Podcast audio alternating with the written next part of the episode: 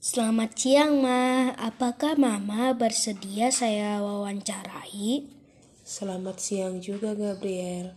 Ya, Mama bersedia. Siapa nama Mama?